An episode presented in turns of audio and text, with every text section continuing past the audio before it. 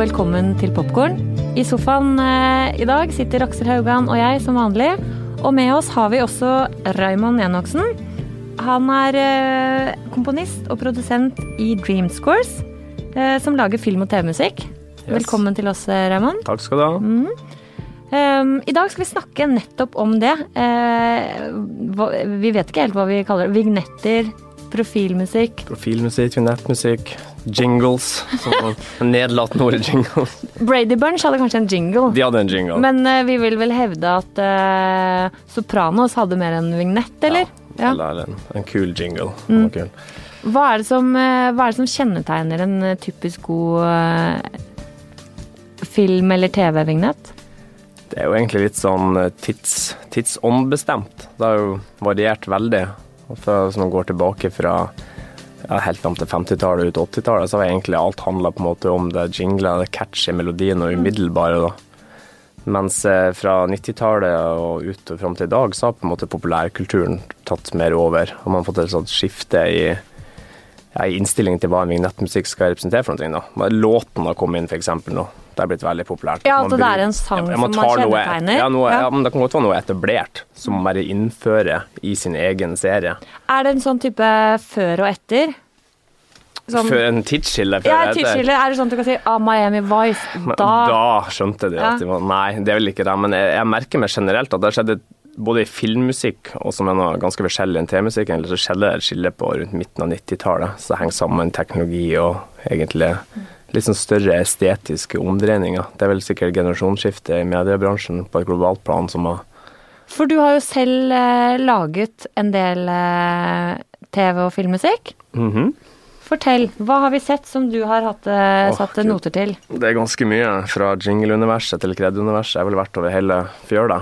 Jeg lager vel Da, da holder vi oss i den Jeg kred-sjangeren, tror jeg. det. det er kanskje greit som er kjent. Nei, jeg begynte i, jeg begynte i 2005, var det vel, med en tidlig break. i laga musikk til Lars Monsen-serien på NRK1. Som var et sånn spagetti-western-konsept jeg kjørte, som ble veldig populært. da. Og plutselig over Serien ble solgt inn til meg som at eh, det er en fyr som går over vidda, han fryser, er pisskaldt, og det her er bare dritt. tenkte ja ja, NRK2 klokka tolv, ja ja, den start, tenkte jeg. Gikk kunstutdanning på Musikkhøgskolen og satt og laga pling-plong på et lite loft oppe på Musikkhøgskolen. Og tenkte ja ja, det er litt kult å jobbe kommersielt, altså, da gjør jeg det. Og så ble den serien en megahit med tror jeg 31,3 millioner seere. Har vi liten, har vi en liten uh, snutt av uh, gjenkjennelsesmelodien? skal leve ett år på Nordkalotten. Det vil si alt land nord for Polarsirkelen. Altså, jeg blir så matt av han Monsen, da, men Jeg eh, det er Jeg kan ha sånn eggstokkdirrer, da. Jeg tenkte Han og Jarl Andøy, det er bare for fram Mine eh, eggstokker dirrer ikke Lars Monsen. Oppleve dyr på nært hold. Bortsett fra når det er menstruasjonssyklus, da er Lars Monsen og Jarl Anne det er shit, liksom. Aldri. Oi, kjempebra!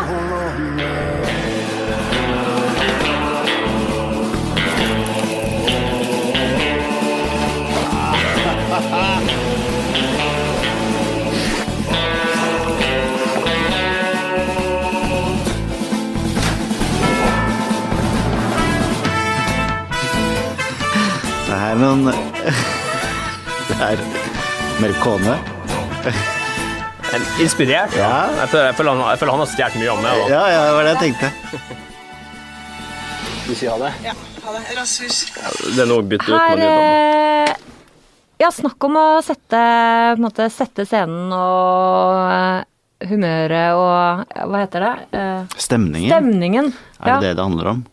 Ja, det er jo ganske spesielt, for Lars Monsen er jo Mange tenker på å, det passer så bra til Lars Monsen, men egentlig er det jo en slags spagetti-western-uttrykk for til en fyr som går opp i Kiruna og Karasjok. Så det er jo det som er mye av essensen i jobben min. Da. Det er jo det med å konseptutvikle musikalske uttrykk som liksom rydder plass i mediejungelen, så en serie får oppmerksomhet og blir lagt merke til. ikke sant? Det er jo det egentlig mine kunder skulle til betale for. Og det gjør det jo mer og mer, fordi eh, oftere og oftere så man jo, blir man jo fengsla av, en, eh, av den første åpningsscenen og musikken og ja, stemningene fører med, da. Får deg inn i universet på serien. Veldig, veldig fort. Men jeg tenker på når du lager en sånn, hvor, hvor, hvor dypt går du inn i det? Lider du deg gjennom en lang fjelltur og fryser masse og sånn method acting-tilnærming til Ja, vignettmusikk. ja, Nei, det er ikke så veldig mye av det. Nå har jeg utvikla ganske sånn strenge kunstneriske metoder for å lage filmmusikk. Jeg skiller mellom det jeg kaller for sterke konsepter, som er det melodiske konseptet, selve melodien. Man Ja, hva husker betyr det da? Bam, bam, bam, bam, bam, når du kan spille på piano. Melodien, ikke sant? Noe så Uansett om jeg kunne spille Jeg kunne lage det for et gammelband, gammeldansorkester, danseband, storband. Alle kunne spille det, for melodien er melodien. Det er på en måte noe som autonomt fungerer utenom serien. Og det andre konseptet er jo det som vi kaller nøytrale konseptet, som er på en måte sounden. I dette tilfellet var det spagetti-western, med alle de instrumentene som hører med for å skape den sounden. Melodien kunne vært hva som helst. Så de to tingene der satt sammen er på en måte det som, som er min hovedjobb, da. Å finne interessante Ja. lydlandskap, kombinere det med gode strukturelle ting som er melodier, f.eks. Og, og lignende. Men nå er melodien litt ut, da. Den har vært på hell ganske lenge. Nå er soundet i fokus. Og det er jo en typisk sånn tidsskille man ser, der man er mindre opptatt av de gode melodiene, ikke sant. Ta noen eksempler fra, fra serier eller filmer vi kjenner, hvor sounden er, eh, står i sentrum. For, for oss eh, som sitter bakerst i klasserommet her. For eksempel Walking Dead. Den har jo bare en sound. Digge, digge, digge, dagga, dagga, dagga, digge, dagga, dagga. Det er bare liksom omnious sound. Ikke sant? Og det er mye, mye av jobben til vignettmusikk, ikke sant. Ikke bare format-TV, også TV-drama, som vi sikkert også skal snakke mye om her. Så er det, det er jo å etablere en kontrakt med publikum. Du sier liksom, Aksel sier liksom 'sett stemninga'. Ja, du setter stemninga, men du, du setter også mye mer enn det. Du sier hvilken serie det er. Når du hører vignetten til Breaking Nei, ikke Breaking Bad, til um, Walking Dead. Walking Dead ja. Så skjønner du med en gang hva du skal se. Det er, ikke Ja, det det er er det ingen, er er ingen sånn mismatch imellom. Det er enten veldig kult, eller så er det veldig ukreativt. Det spørs hvordan man ser på det. Jeg syns det er ganske herlig i True Blood, der man har en veldig upbeat låt. Man har riktig vel I wanna do bad things to you. Den Man er jo man- Ja, ja! Man har liksom, man har teksten, Ja. men selve uttrykket Det er ganske sånn jeg, Selv om det er, jeg får det ganske Du blir litt sugd inn i Ja, eh, det. vampyrhelvete Du gang. fascinert, for ja, ja. hjernen, hjernen vil alltid søke mening mellom musikk Og det du og ser. lyd, ikke sant? Og da merker du Spesielt hvis du lager filmmusikk, da, så mange høres litt etterpå. Hvordan vet du, hvordan får du musikken å passe godt til bildene? Sannheten er at du kunne gjort 10 000 varianter, alt passer bra. Men hjernen vil alltid søke en sammenheng mellom det auditive og visuelle. Så hvis du sitter på Hvis dere har hørt musikk på headset, sitter på tog, og så kjører forbi søyla Å, shit, toget det går i takt med musikken, og det er lysene blenker. Det gjør jo ikke det. det ikke. Men hjernen vil jobbe etter å få de til å gå synkront. da. Og i filmmusikk så kan du egentlig gjøre det meste, bare ikke Du må ikke ha du bør ikke ha raskere tempo i musikken enn, som, enn klippen og bildene. Fordi den eh, Du kan ha langsommere musikk, og raske bilder funker veldig bra. Det motsatte funker ofte veldig dårlig. Du kan ikke ha veldig mange frekvenser som blander seg med snakkefrekvenser. Det er veldig sånn tekniske ting, egentlig, som setter begrensninger for hva du kan gjøre musikk. Men utover der så er det jo enormt åpent. Og det meste funker jo. Men hvordan er det visuelle bildet når den åpner uh, Det er jo sump, og det er eh, eh, sånne hengetrær og og- mangroveskog og litt sånn trailer Ja, og så eh, legges den litt sånn- trash-slåssing. Trailer trash-slåssing og Ja. råtnende dyrekadavere med mark i. og og- Ja, det flyter blod veldig godt sammen. Det gjør det. Han har låta den er jo egentlig ikke lagd til serien, så vidt jeg forstår. Det er ikke sant? Det er til man plukker låter. Ikke sant? Det er også en tid det begynte akkurat det der med å plukke scores, og i hvert fall i film. Det starter jo veldig med Eller jeg har ikke starta med det, du kan selvfølgelig finne de unntakene som har gjort det siden 1920 sikkert, men når det har vært mainstream, da, så Mm. jeg tenker meg Quentin Tarantino. Ja, Ikke sant? For det er, jo, det er jo to innstillinger når du lager musikk. Det er enten å være paradoksal, eller så er det å være doksal. Ikke sant? Doksal er avledning av paradoksal, så vil si noe som er naturlig, noe som er logisk i forhold til hva du ser, og ikke motstridende. Og det meste av filmmusikk skal jo være sånn. Sant? Harry Potter er en magisk verden, musikken er magisk. Og hvorfor opplever vi musikken som magisk? Jo, nummer én, det er et orkester, og den har referanser fra Nøtteknekkeren, den har referanser fra Trollmanns læregutt, du hva, alt som vi kulturelt sett har ja, sånn intuitivt forstår, selv om man ikke er kanskje en musikalsk skolert person, så har man hørt det her, man har ja en du har det litt i kroppen. ja, det er noen referanser kulturelt sett som innprenter oss hva er magisk, og der er jo han skamløs tatt av. Ikke sant? Og lagd en mesh, og det her er magisk musikk. Harry Potter springer fort, musikken går fort. Ikke sant? Og, og hvorfor bruker man egentlig orkester? Hvorfor må man ha orkester og kor når det er filmmusikk? Nei, spør du meg? Jeg spør eh, dere, hvorfor, hvorfor tror dere vi gjør det, egentlig? Nei, kanskje fordi man får liksom frysninger og at det blir, er så er stort. Følelsesregisteret føler jeg er liksom tettere Større med orkester? Nei, men det er mer- mer- mest med orkester? Strings, liksom. Altså, Eller får man et stort lydbilde? Det er mye, mye lettere. Det er episk. Sant? Alle er opptatt av at film skal være stort. Ja, og det er lettere, jeg også. Men de første komponistene var jo operakomponister, ikke sant? Som uh, veldig mange jøder som syntes at det var, det var ikke så veldig kult å bo i Tyskland rundt 1920, så de flykta til uh, USA og ble en del av industrien. Den, den første virkelig industri, studieindustrien av film.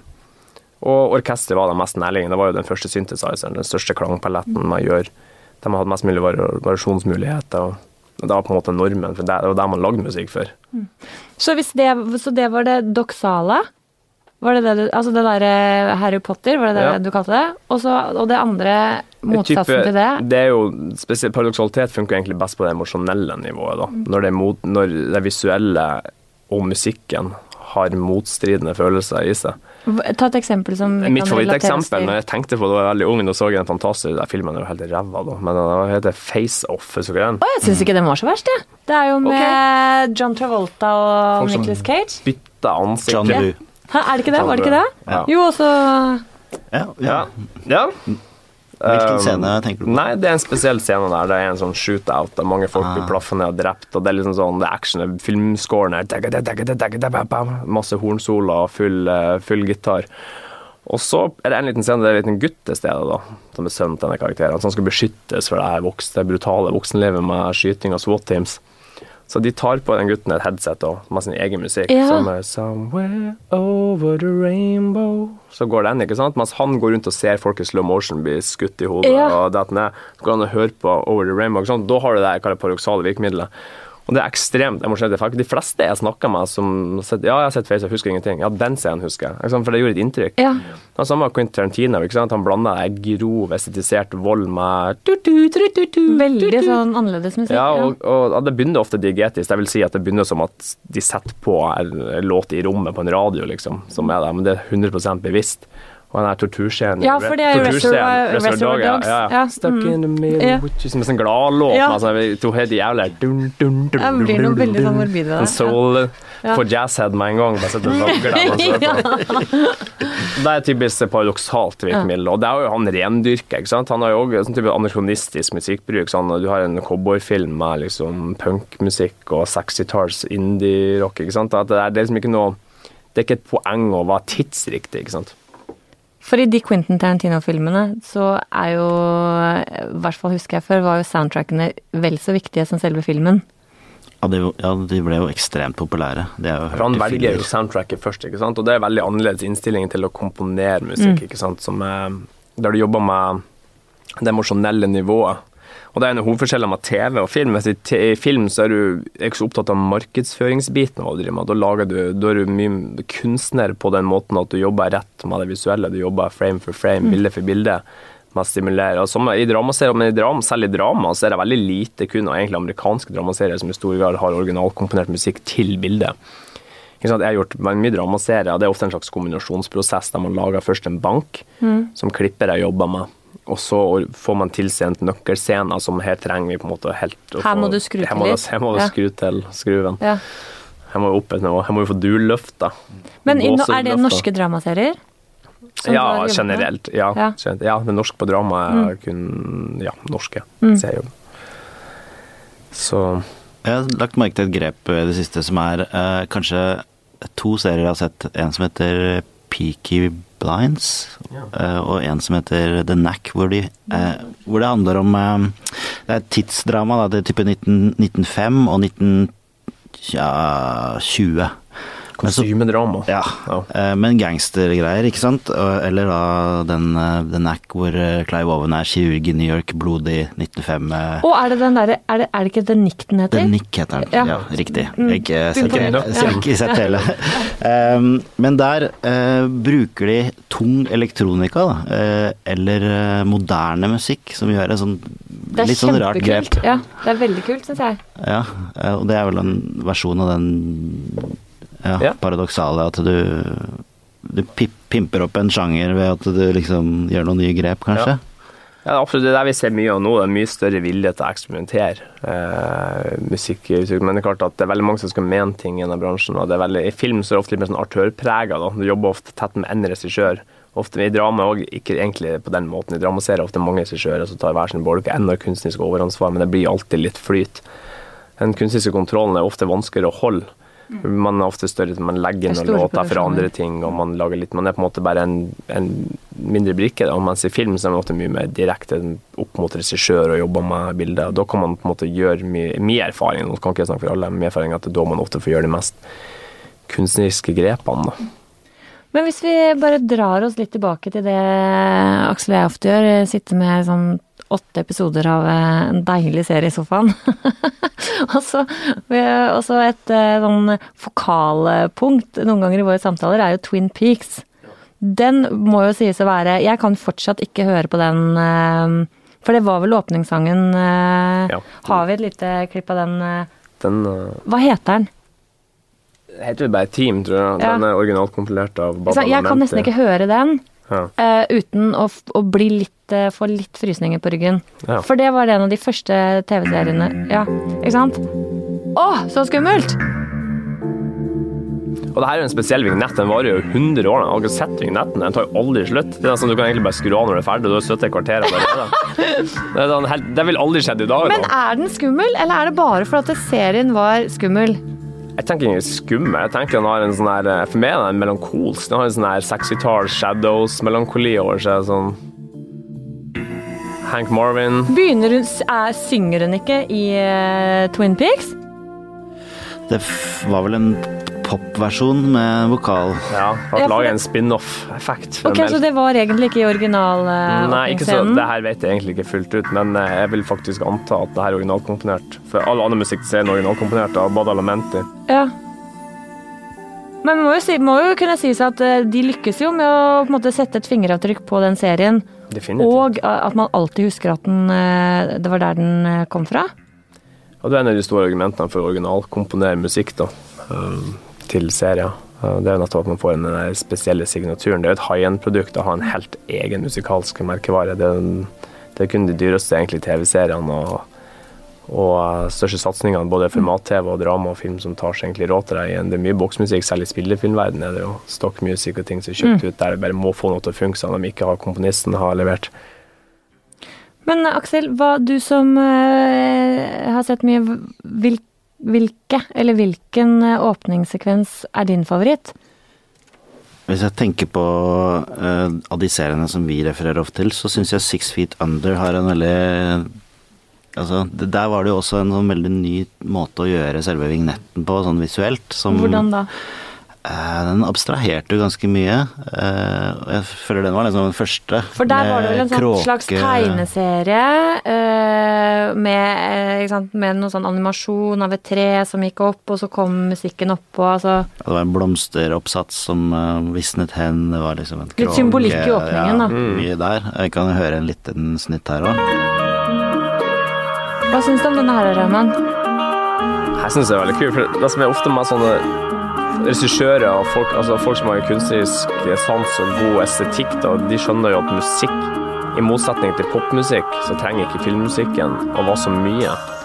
Ja, det kan være så ofte så så, veldig lite elementer som skal til, ikke sant? Og i Six Feet Under er det utrolig elegant uh, sydd sammen.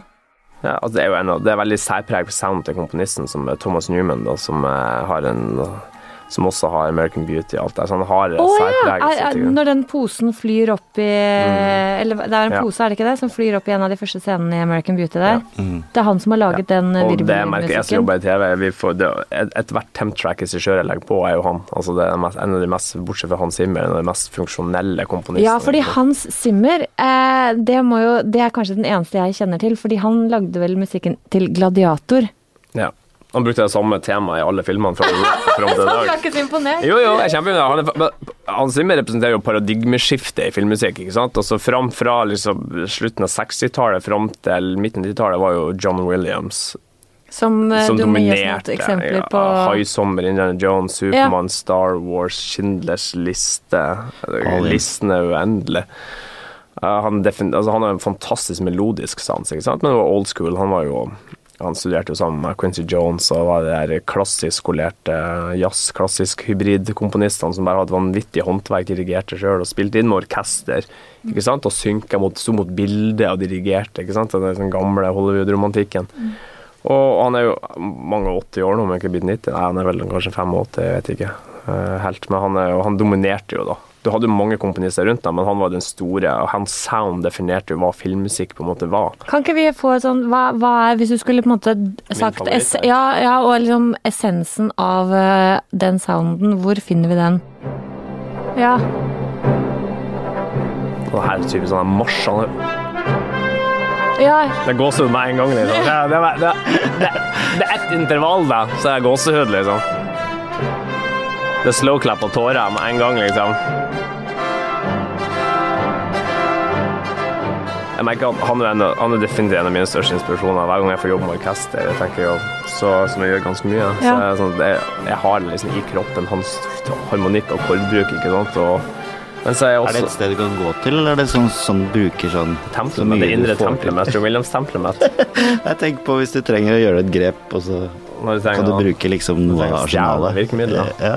Det er sånn å si i TV-bransjen er eller filmbransjen det er at eh, det er klisjeen er at eh, amatører prøver originalen, mens profesjonelle stjeler. Det er for så vidt en sannhet. John Williams har jo stjålet hele livet sitt fra klassiske komponister. Ja. ikke sant? Og, men eh, han representerte jo alt filmmusikk var fram til midt-90-tallet, og så kom en ny generasjon med de, de som ikke var den klassiske skolerte. De som med, de som vokste opp med synthesizere og 80-tallet for fullt. Og det er jo Hans Zimmer, ikke sant, den fremste. Han revolusjonerte jo litt. Hva var det han på en måte Hvilken er det vi kjenner veldig godt fra han, da?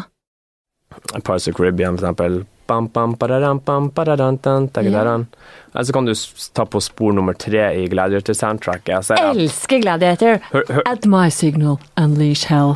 og så hører man, så hører man for eksempel på, så hører man for eksempel på uh, Gladiator-soundtracket spor nummer tre, The Battle Green, så Inni der så er det plutselig bare bam, baram, bam, baram, bam, bam, bam, baram. The Battle, ja. Spor nummer ett ut, Den- så kommer det samme den, tema som CD-en Caribbean, hadde for jeg, ja. eksempel. Sant? Da vi fortsatt hadde CD-er, hadde jeg den. Ja. Hans Zimmer har jo truffet en nerve, da. Ja, det da var jeg helt enig. Usikker på om det var Russell ja, han- Crowe eller Hans Zimmer som traff ned nerven i meg, men Men eh, det, det som Hans Zimmer, at han på en måte, selv om han er veldig tonal og kommersiell, så er han jo veldig, det er på en måte ekspresjonisme, da, for å ta i fokus, det psykologiske fokuset innover. Mens John Williams har kommet til å opptatt av Mar-ting. ikke sant? Det var den berømte scenen i Gladiator når eh, kjerringa er død og huset er brent. Han går under åkeren og drar fingrene. i Ja. Kjerringa er Ja. Død. Kjerringa er død, Ja. og han Ja, sørger i hvert fall, Ja, han da. Han syns det var litt leit, tror jeg. Ja, Og da var det jo, fordi da er det jo veldig sånn eh, mye eh, Da er det veldig lite musikk. Det kunne, mykt, på en måte. Det er, en, det er kun Ja. en tone, og så er det litt sånn uh, arabi, eller Ja. ikke hebraisk sånn- sang bak. ikke ja. sant? Og det er helt statisk. Det er veldig Her har du det. Det er enkle virkemidler. Om Joe, Ah, om Joe. Williams skulle gjort det her, Ja, han så ville det hatt store strykelinjer. Oh. Ville, han ville malt de følelsene på utsida, for der tilhørte den generasjons komponister. Mens fra Hans Zimmer så tar du fokus psykologisk inn fra karakterene ut, istedenfor utenfor inn på Ah. karakterene. Og det, det, det, det er på en måte det hva skal man si, innstillingsmessige forskjellen som har skjedd fra 90-tallet og fram til i dag. Men John Williams, han, han Zimmer har til og med hatt mye suksess John Williams har tilpassa seg Hans Zimmers uttrykk. Hvis du ser filmer han har gjort etter f.eks. de nyeste Star Wars-filmene, så har jo òg en sånn her eh, en scene der um, Anakin plutselig dreper alle de unge i tempelet. Så det er òg en sånn scene, akkurat den samme musikken. Det er som, det er som ta det er tatt fra denne scenen. Den musikken er den samme. Og 'Memories from a Geisha', som er kjempefin i Williams soundtrack, og veldig mye mer minimalistisk, statisk, færre akkordskifte, og spiller mye mer på det ambient. Flytende teksturer istedenfor melodiske, akkordiske ting, som John Williams er mest kjent for. Da. Men klart, han er jo to vidt forskjellige generasjoner. da. Men, og det andre er musikkteknologien. ikke sant? Film før var jo veldig filmmusikk, Tradisjonell filmmusikk er basert på litt sånne romantiske, wagnerianske ledemotivideen. ikke sant? Så Star Wars, da har det jo bam, bam, som liksom heltene sitt tema. Ja, er Rebel ja. Alliance, og så har du bam, bam, bam, bam, bam, bam, bam? Og alle har sine tema, ikke sant? Eh, Som står i samsvar med karakteren. Mens eh, i dag Du har da fortsatt Ringenes herre, ikke sant? da har du forskjellige tema. Men, men Hans Zimmer det er mer monotematisk. Bam, bam, barabam, bam, barabam, bam, barabam. Du har liksom Jack Sparrow-team, du har mange forskjellige tema, men de messer kun ett tema. De er ikke så konsekvent på temabruken i filmene, hva som tilhører hva. Nei, for det er ikke, så, det er ikke de gode, de onde Det er, jo, det er jo de samme tingene, men man er mindre opptatt Man er mer opptatt Ja. av sound, og man er mer opptatt Det er mer som det er mer som popfenomenet har tatt over. Hans Zimmer er jo ikke en orkesterkomponist. Alt er veldig endimensjonalt. Det er kun én god melodi, doble opp ti ganger med en veldig kul sånn her filmatisk trommegruve under. Veldig ofte. Nå forenkler jeg, generaliserer mye. Han har også veldig mye som er veldig kunstnerisk og interessant. Men, eh, men for å sette deg litt på spissen, da, så er det som kjennetegner den, den generasjonen, eller nye wave med komponister, er jo ofte at det er soundorientert, monotematisk. Altså at det fokuserer kun mye Legger trykket på enkle melodier som man messer gjennom hele filmene. I motsetning til å ha den jungelen av tema som liksom skal linkes opp mot karakterer, som er litt mer sånn gammeldags Ja, ja. tankegang. Men eh, Kristine, du har jo spurt meg om min favoritt. Hva er din favoritt-TV-serie-vignett? ja det, det er veldig enkelt. Det er uh, Mad Men. Jeg er jo en sucker for uh, Don Draper. Eh, har vi den også, eller? eh? Det er en av de mest diskuterte vignettene i nyere tid. Ja, er det? veldig- Fortell, eh, veldig- her er jo jeg en Nei, jeg veldig meg at enkel folk, sjel. Jeg bare merker at folk er veldig delt i Ja. forhold til hva som har vært den riktige løsningen, både musikalsk og grafisk. ikke sant? For Ja, ofte henger det jeg grafiske elsker den åpningen. sammen.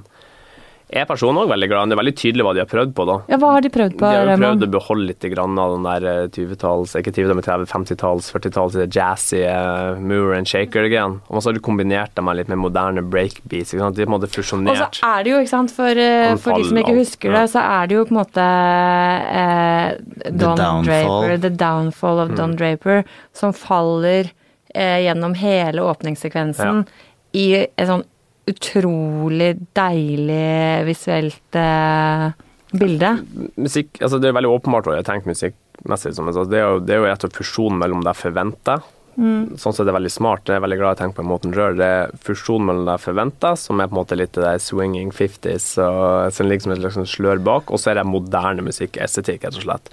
Akkurat nå er det kanskje ikke så moderne lenger. Og så er den jo, og, så er den jo ja, og den eh, suger deg jo veldig Mm. rett inn der du skal være om ett minutt, eller hvor lenge den, den varer. Den girer jo litt sånn Vi kan jo høre en liten snutt her.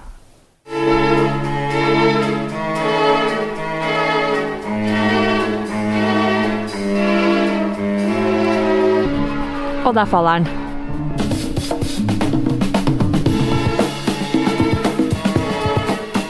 Det har, veldig, så- det har veldig lite på en måte med på en måte miljøet. Ikke sant? Og det er litt de valgene man må ta som komponist. Din, skal du etablere kontrakt med publikum så at musikken skal representere hva er universet vi beveger oss i? Er det miljøet, er det tidsånden man skal beskrive, eller skal det være en sånn autonom, egen, kul enhet som liksom abstraherer seg selv fra serien?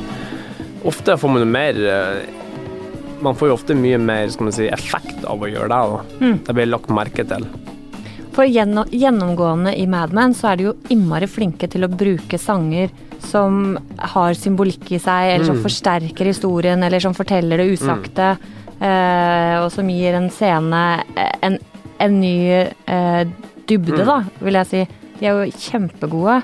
Ting på- henger jo sammen. Ikke sant? Det Ja. som er interessant for min del med å jobbe med mediebransjen, er som at musikk Du kan liksom ikke bare leve i bobla, at musikken i seg selv gir den fulle meninga. Det er bare en bit av et puslespill som gir en totalopplevelse. ikke sant? Og så kan den løfte det den kan løfte. fryktelig. øh, Ja, du er litt av fordelen med filmmusikk. Det er jo ingen som tenker egentlig at filmmusikken er dårlig. Det er folk, kun folk som registrerer deg hvis det er bra. Ja. Det er jo litt, det er jo en sånn god dag på jobb, så da. mange sånne, det mange sånne, mange sånne myter rundt der. Ja, men hvis du ikke la merke til det, så betyr det at den er bra.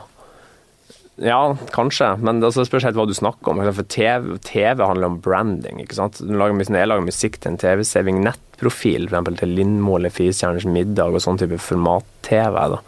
Som der så vil du jo lage ting så folk står på kjøkkenet og Grandisen er nesten ferdigstekt, og der starter bidi. Nå begynner Firestjerners middag, spreng inn. Du må lage ting som s- skiller seg ut i mediejungelen. Så det ene det er jo ikke nødvendigvis estetikken, at musikken i seg selv skal være kul, det er også at den skal være smart tenkt i forhold til å vinne plass i mediekrigen. da. Ja. Ikke sant? Mens i film så er du ikke så opptatt av branding, du er opptatt av på en måte å underbygge hva som faktisk skjer visuelt til enhver tid, og kanskje rendyrke smalere konsepter. Vi skal snakke litt om uh, historikken og hva du liker, Raymond. Hva er uh, Jeg er veldig en skitten 80-tallsgutt, da. Ja, du er det?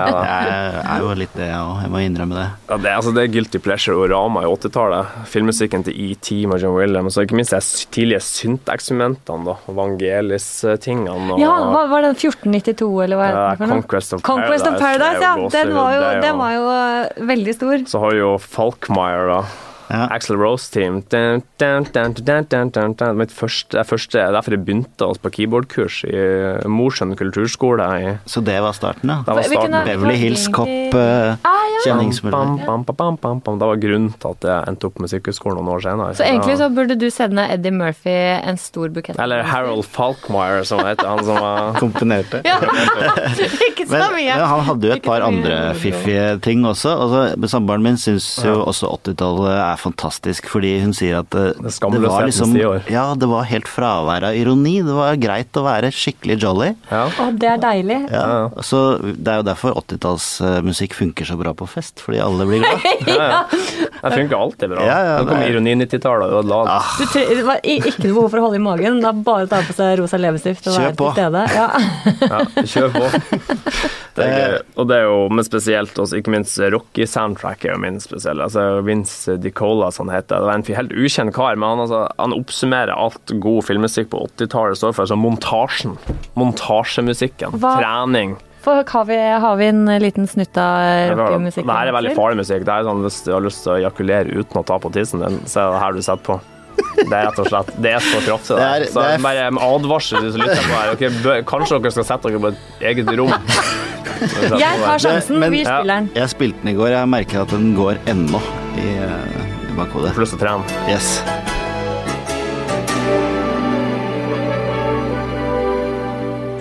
Storheten.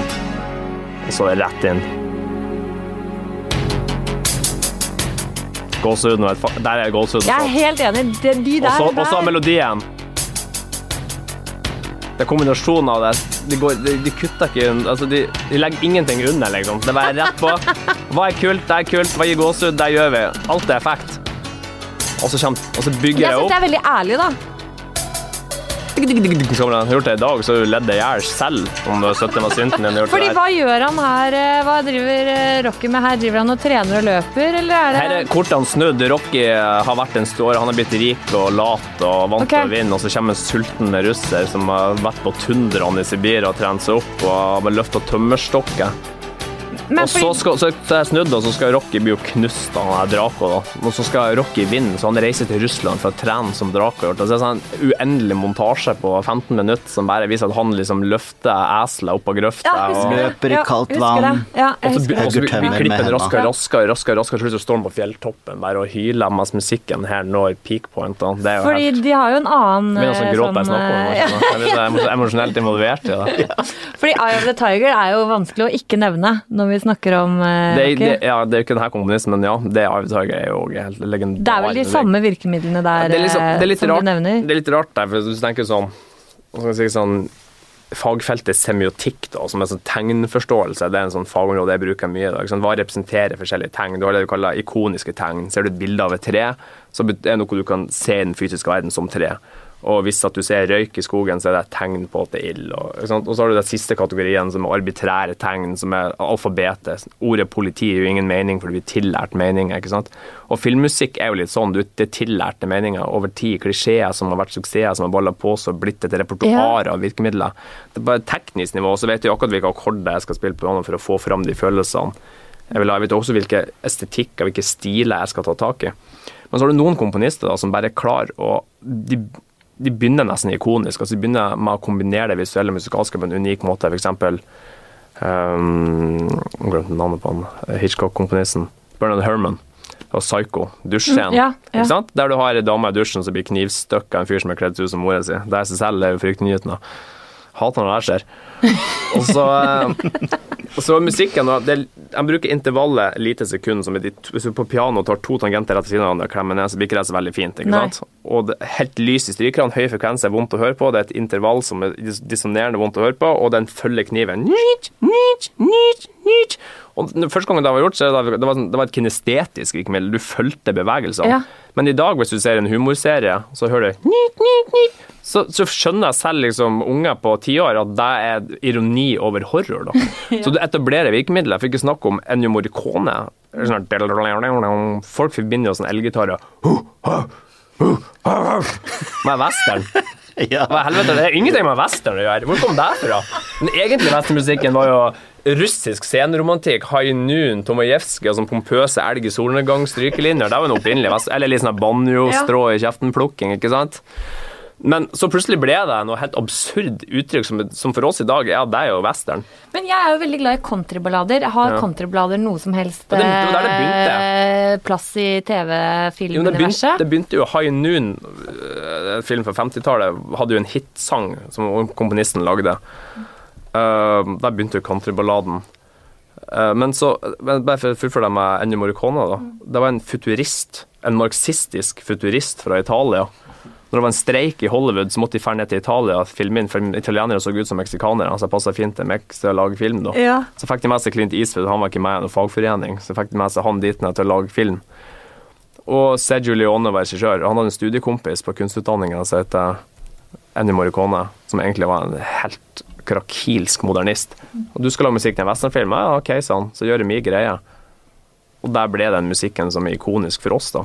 Hvis du spiller den musikken, sånn Lars Monsen òg er inspirert, ikke sant. Ja. Der får folk til å tenke spagettivestern. Det var hele poenget Ja. med musikken. Så det viser bare at noen er rulemakers i filmmusikkbransjen. ikke sant? High Summer John Williams. Baram, bam, bam, bam, bam, bam, bam, bam, bam. Det er to, to, tre toner bam, bam, bam, bam, bam, bom, bom, bam, fram og tilbake på et piano, tre halvtoner. Og det er lyden av hai. Du føler bevegelsen til Ja, haien. at- ve- ve- veldig godt beskrevet. Og hvis at du spiller den på en TV-serie i dag dørum. Hvis, du, noen, hvis noen ser på han, hva, havet du hører dørum. ja, da veit du haien kommer. Da er ikke huk neste, for å si det sånn. Altså. Da, og det er jo som noen er rulemakers, da. De, etter, de definerer klisjeene. Hvis jeg spiller deg, Kristine, hva tenker du da? Åh, jeg tenker sånn deilig mafiosa. Tony Sopranos. Ostepop, cola, ny sesong. Jeg tenker mange lange, deilige kvelder i sofaen I New Jersey. i New, i New Jersey. Mm. Blir også litt trist da, med tanke på at han faktisk eh, er død. Det her er jo en låt eh, og ikke et tema Det representerer jo mye av den, det vi snakker om som er det nye. Det har vært en trend nå innenfor Det her snur jo hele tida. Det har vært sånn før òg. Det går litt i bølgedaler hva man, eh, hva man egentlig går for, da. Eh, Det er ofte stort skille mellom vignettlåter og komponisten. Det er jo ikke de samme folkene som gjør det til serien. Det er vel to forskjellige folk veldig ofte. Men eh, fordi altså, Sopranos, der er jo liksom mafia er jo et gjennomgangstema, vil jeg jo kunne hevde med en viss sikkerhet. Um, eller uh, Og altså den derre musikken eh, som ligger i mafialinjene. Fordi eh, i Gudfaren så er det jo også et ganske sånn eh, gjennomgangstema som, man, som, som raskt spiller inn.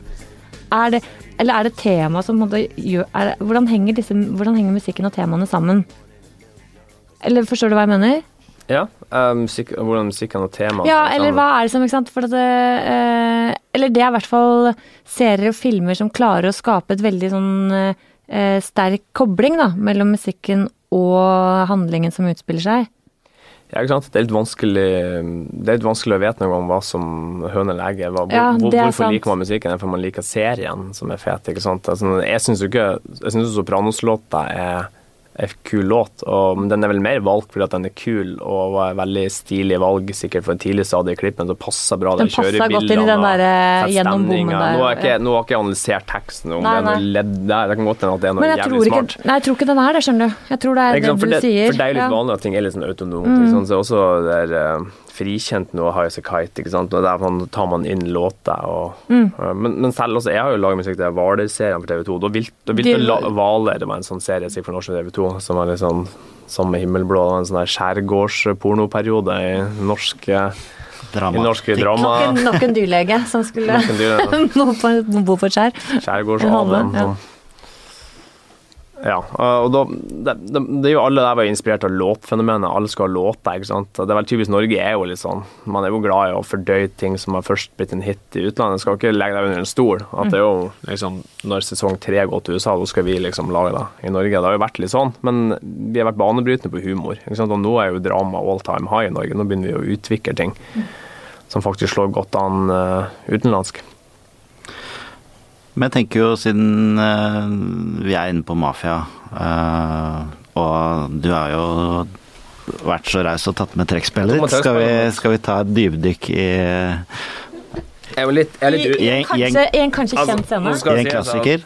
Tre- Trekkspill og trekkspill, jeg vet ikke helt om det etablerte trekkspillmiljøet vil anerkjenne det som trekkspill. Det er vel mer et sånt leketøy som har en slags som, som har en fysisk form som kan minne om et trekkspill. Men du ville fått plass på en, eh, på en italiensk bryllupsfest på 20-tallet. Ja, kanskje, jeg kan, jeg er jo egentlig pianist, og jeg kan jo egentlig ikke spille trekkspill heller, da, men det er alltid Jeg, jeg har jo vært i mye utrydningslag den siste tida. Jeg havner i den alderen der alle skal gifte seg Veldig, veldig beleilig at du hadde et grønt trekkspill.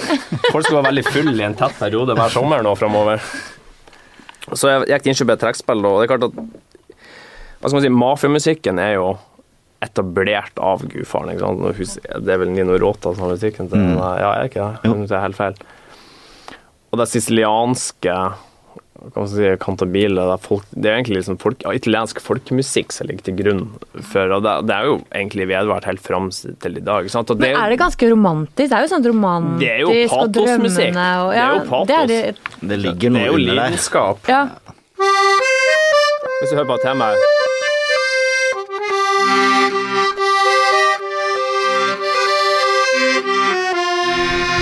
Så må du alltid ha med litt sånn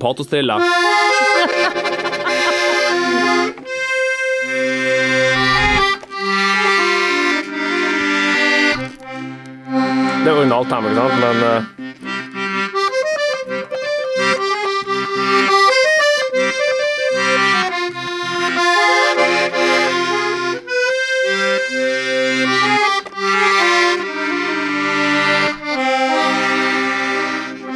fikk, Så har vi òg andre glade trekkspillmelodier for min barndom. Hvis noen husker denne her. ja! Ja, det er jo, det er jo den eh, franske Eller den derre Allo, allo. Er det ikke det? Er ikke det nydelig?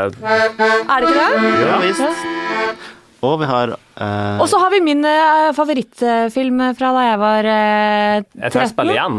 Yes, det er trekkspill igjen. Det er, den må vi ta på trekkspill, fordi at den fungerer på alle instrumenter. Ja. Ja, Hvilken, hvilken er det, da?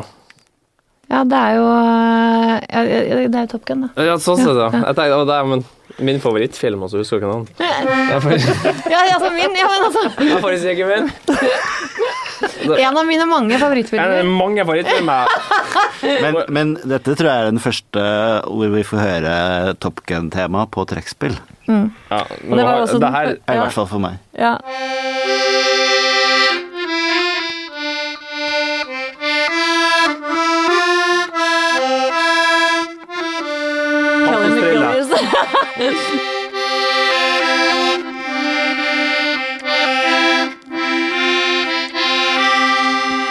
Ja, veldig bra. Det var, det, det var jo der jeg så mitt første tungekyss på film. Ja, Satt meg ut i ukevis etterpå. ukevis. Og et, mange elevsamtaler senere, så, så forandra du det Det var mye spoling fram til akkurat den scenen. Åh, magiske tider, VHS-tida. Det er veldig bra. Men eh, Raymond, hva, eh, hva ville du satt på som eh, i bilen hvis man skal ta seg en langtur eh, nå i de nærmeste dagene? Som et I bilen. Ja, eller et Ja. soundtrack, eller på kjøkkenet hjemme, eller Altså, Hva er din er- eh, avsluttende anbefaling? Akkurat nå er jeg inne i en rockefase igjen. Jeg begynte å trene.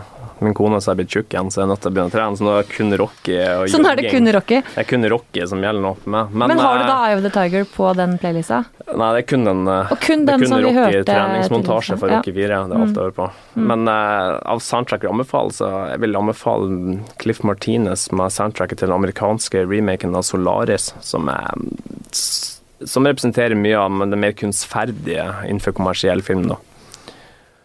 Ja, var, eh, så den eh, tar vi med oss. Ja.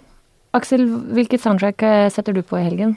Jeg vender stadig tilbake til Twin Peaks soundtrack, jeg. Det er 80-tallet, variert. Det er ikke bare kjenningsmelodien, det er mye, mye gull der. Jeg begynner å mistenke at Aksel, det er svaret til Aksel på alle prøver. Ja, ja. Jeg svarer Twin Peaks. Han skjønte at det var karriere, karrieremessig fordelaktig å ha en sånn kredreferanse, så han gikk for Twin Peaks. Ja. Men du, da? Nei, jeg, jeg får vel trekke oss ned i den kommersielle søla, jeg, da. Jeg elsker jo Moulin Rouge. Det er jo et av mine favorittsoundtrack. Bass Lerman-filmer. Ja. Come What May og Because we can, can, can. Nei, jeg liker utelukkende balladene og duettene. Så Jeg liker Diamond fra Girl Best Friend med de mest hårete storbandene ja, i verden. ja, fordi de hopper jeg over, så går jeg rett på sånn Never knew I could feel this way. Jesus, det her er er Kjønnsdebatten ble lagt død i det her programmet. Så. Og da må jeg altså også si at jeg syns både Nicole Kidman og Ewan McGregor gjør kjempe Det er sånn fantastiske artister. Ja. Jeg syns framførelsen av eh, Nature Boy er en av de beste noensinne eh, gjort. Ja, men, eh, for det var vel, men det var vel noen helt andre Hva som sang den? var David Bowie. ja. David Bowie. Men jeg tror ikke han synger på det soundtracket der. jo da. Gjør han det? Hvem okay. er det som sang Nature Boy her, da? Det er David Bowie. Det var det, ja. David, David Og så tror jeg Beck har en sang der. Ja, det er innmari bra soundtrack. Ja. Ja, ja men Kjempefint. Og med det sier vi eh, takk for denne gang her i Popkorn, og vi høres igjen eh, neste uke.